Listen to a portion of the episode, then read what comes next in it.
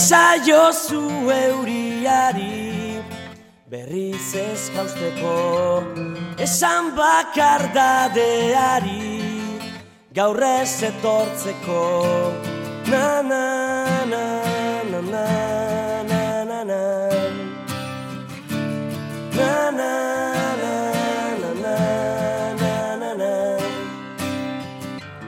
Eusten nauen soka zara Dicen que las auroras boreales eh, son uno de los mayores espectáculos de la naturaleza, un espectáculo que nos lleva hasta las mágicas luces del norte.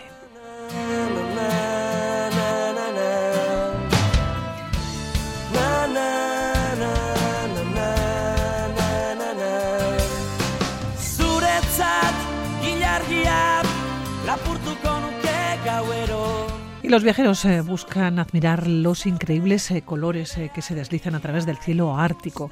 Es una de las cosas, una de las listas de cosas que muchos aventureros se animan a hacer, se animan a acercarse. Y yo les animo a que nos escuchen, a que charlemos, desde luego, ya que aprendamos con Xavier Bañuelos, viajero, periodista. ¿Cómo estás, Xavier? Muy bien. Bueno, que nos vas a llevar hasta el norte de Escandinavia y hasta el norte de Finlandia a la búsqueda ¿no? de las auroras boreales.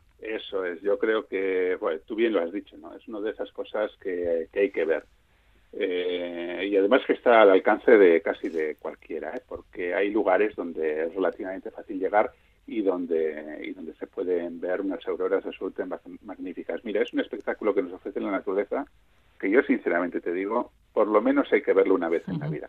No, no se puede morir Sin ver una verlas. aurora boreal, sí, porque es un espectáculo grandioso, dulce, eh, es una auténtica, es una auténtica pasada ver cómo, cómo la luz se genera en el cielo en mitad de la oscuridad, creando unas formas increíbles, ¿no? Que, que van desde, no sé, desde cortinas a arcos, pasando por ríos, eh, de, bueno, colores. Eh, normalmente suelen ser de color verde, luego si quieres explicamos un poco el porqué.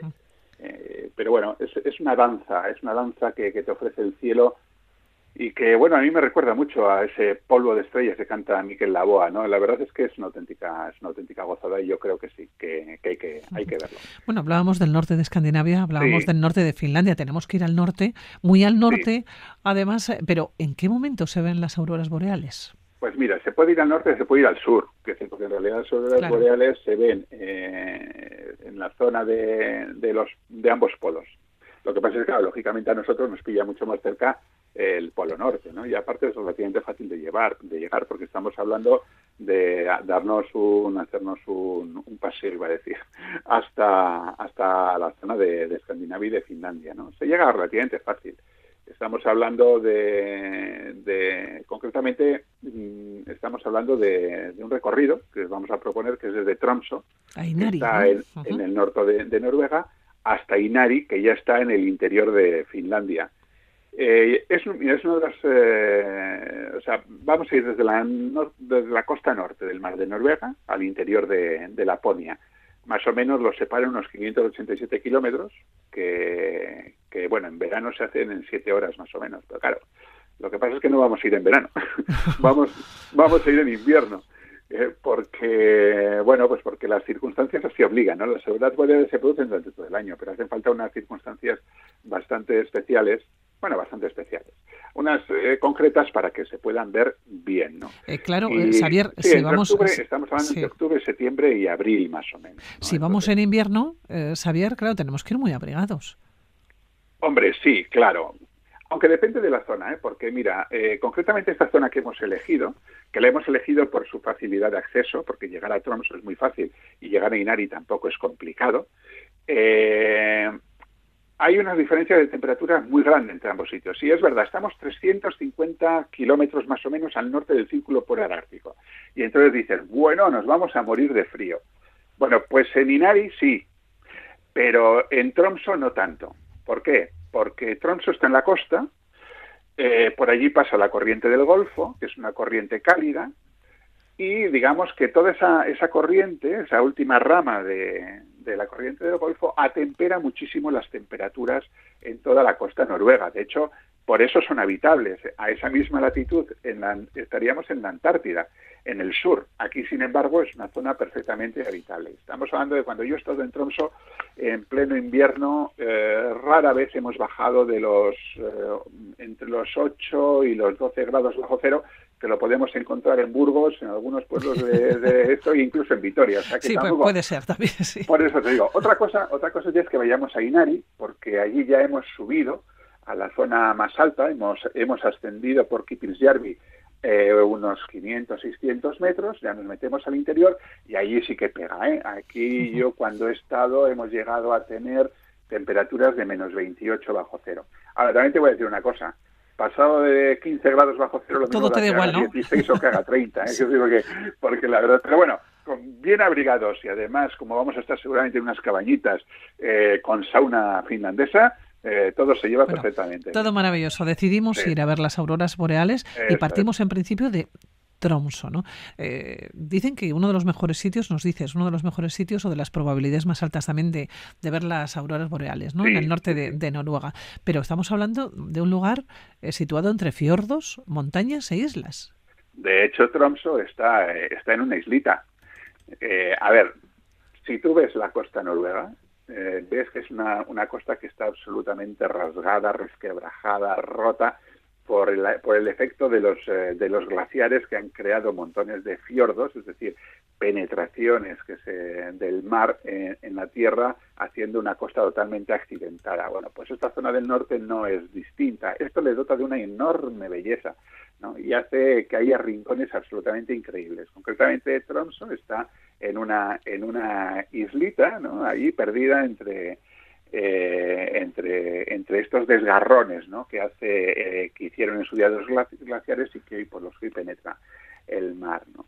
Y, bueno, es una zona muy muy fácil de, de, acceder, como digo, y además es una zona perfecta para ver auroras porque está dentro de lo que se llama la elíptica de las auroras boreales. ¿no?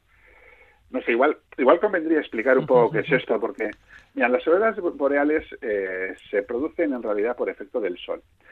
Eh, el sol lanza eh, lo que se llama el viento solar, que es una especie de plasma de partículas cargadas que chocan con el campo magnético de la Tierra, ¿no? creándose la magnetosfera, que desvía ese viento solar hacia los polos. Digamos que esto nos protege de que ese viento solar pues afecte de una forma fatal a, la Tierra, ¿no? Entonces, estos, estos vientos, este viento solar se desvía hacia los polos, pero parte de estas partículas del viento solar, cuando, cuando llegan a los polos, consiguen penetrar, eh, digamos, en la zona alta de la atmósfera por los extremos, por los extremos del eje de rotación de la Tierra. ¿eh? Entonces, eh, digamos que al penetrar se crea una elipse alrededor de, de ambos polos, eh, eh, digamos, con estas, con estas partículas. Estas partículas, como digo, están cargadas y al llegar a la atmósfera chocan con el aire, transmiten su energía a las moléculas del aire y estas, cuando digamos se relajan, cuando digamos que vuelven a su estado normal, emiten esa energía que han absorbido en forma de luz. Y es ahí cuando vemos las auroras boreales. Es decir, que tiene que haber, por un lado, eh, viento solar, es decir, el viento tiene que estar juguetón. Cuanto más juguetón esté el viento y más eh, tormentas solares y más vientos solar de la Tierra, mucho mejor.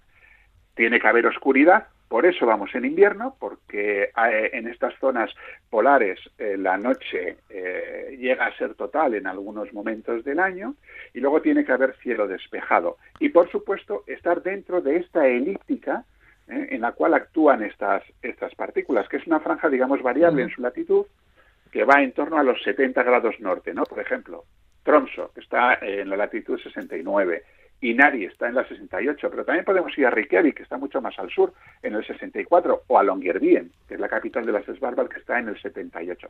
Esto por hablar de, Europa, ¿eh? porque también podemos verlas en Siberia, podemos verlas en Canadá, que también son sitios muy bonitos. Lo que pasa es que, bueno, a Tromso llegas en un vuelo desde Oslo y a Inari desde, desde Ívalo a desde Helsinki. claro que ya nos pilla un poquito más lejos. En cualquier caso, eh, vamos a Tromso con la historia, ¿no? Con la querencia de ver las auroras boreales, pero que bien podemos eh, también pasear por la ciudad y que podemos ver, bueno, pues desde fauna Porque creo que se puede ver hasta ballenas incluso, ¿no? Y hasta focas. Sí, si vas, bueno, sí, eso es facilísimo.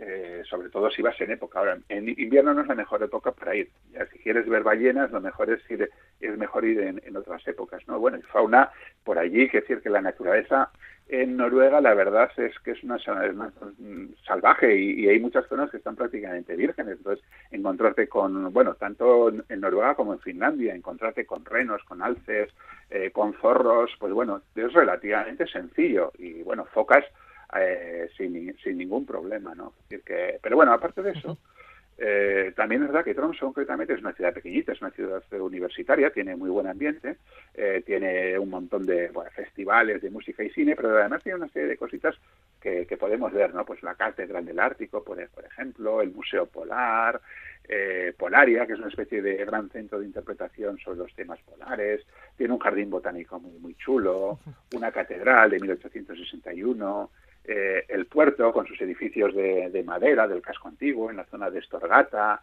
eh, el Museo Sami de, de, Tromso. Hay un teleférico muy chulo, el, teleférico de Storsteinen, que bueno, pues te, sube y la verdad es que hay unas unas, vistas, eh, ¿no? Maravillosas, muy chulas. Y luego en los alrededores, la verdad es que hay, hay unos sitios muy bonitos para aurorear. aurorear, es decir, ver aurora. Sí, ver aurora, sí. que es lo que hemos ido, ¿no? por ejemplo, en el mismo Tromso eh, en Presvanet, que es un lago artificial, pues es un, es un buen sitio. Y de hecho, eh, cuando tú ves una aurora dentro de la ciudad es muy chula, pero también hay que decir que yo prefiero ir a un sitio menos iluminado. Por ejemplo, me encanta, me encanta eh, un sitio que se llama Somaroy, que es una islita en el extremo sudoeste del fierto de Capfiorden y que está, digamos, cerrado por la isla de, de Tusoya. Un lugar absolutamente encantador, tranquilo, increíblemente bonito, donde una aurora realmente, vamos, viste el paisaje que no veas. Hay otro sitio también que me gusta mucho, que es, es por ejemplo. Otro fiordo también pequeñito, pero muy chulo. Y luego ya saliendo hacia, hacia Inari, ¿no? que era el camino que íbamos a seguir, está aquí Kipilsjärvi, que está más o menos a unos 161 kilómetros de Tromso y como he comentado antes ya ha subido casi 500 metros sobre el nivel del mar. Fíjate, yo me acuerdo que la última vez que estuvimos eh, hacía un sol fantástico, eh, estábamos más o menos a cero grados en Tromso, estamos hablando de febrero, estábamos más o menos a, eso, a, cero grados, a cero grados en, en Tromso eh, pues la carretera es fantástica, está muy bien, 161 kilómetros, tardamos más o menos dos horas en llegar y según nos bajamos en, en Kipiljarvi, 22 bajo cero. Es decir, que en 160, es como nos pasa a los de Bilbao cuando vamos a, a Gasteiz, ¿no? que parece que vamos a Siberia Gasteiz a veces, ¿no? Que hay una diferencia de, de, grados muy grande porque subimos, de hecho, la subimos pues a la meseta, ¿no? Pues allí ocurre... Tenéis que venir a Bregaus, Javier.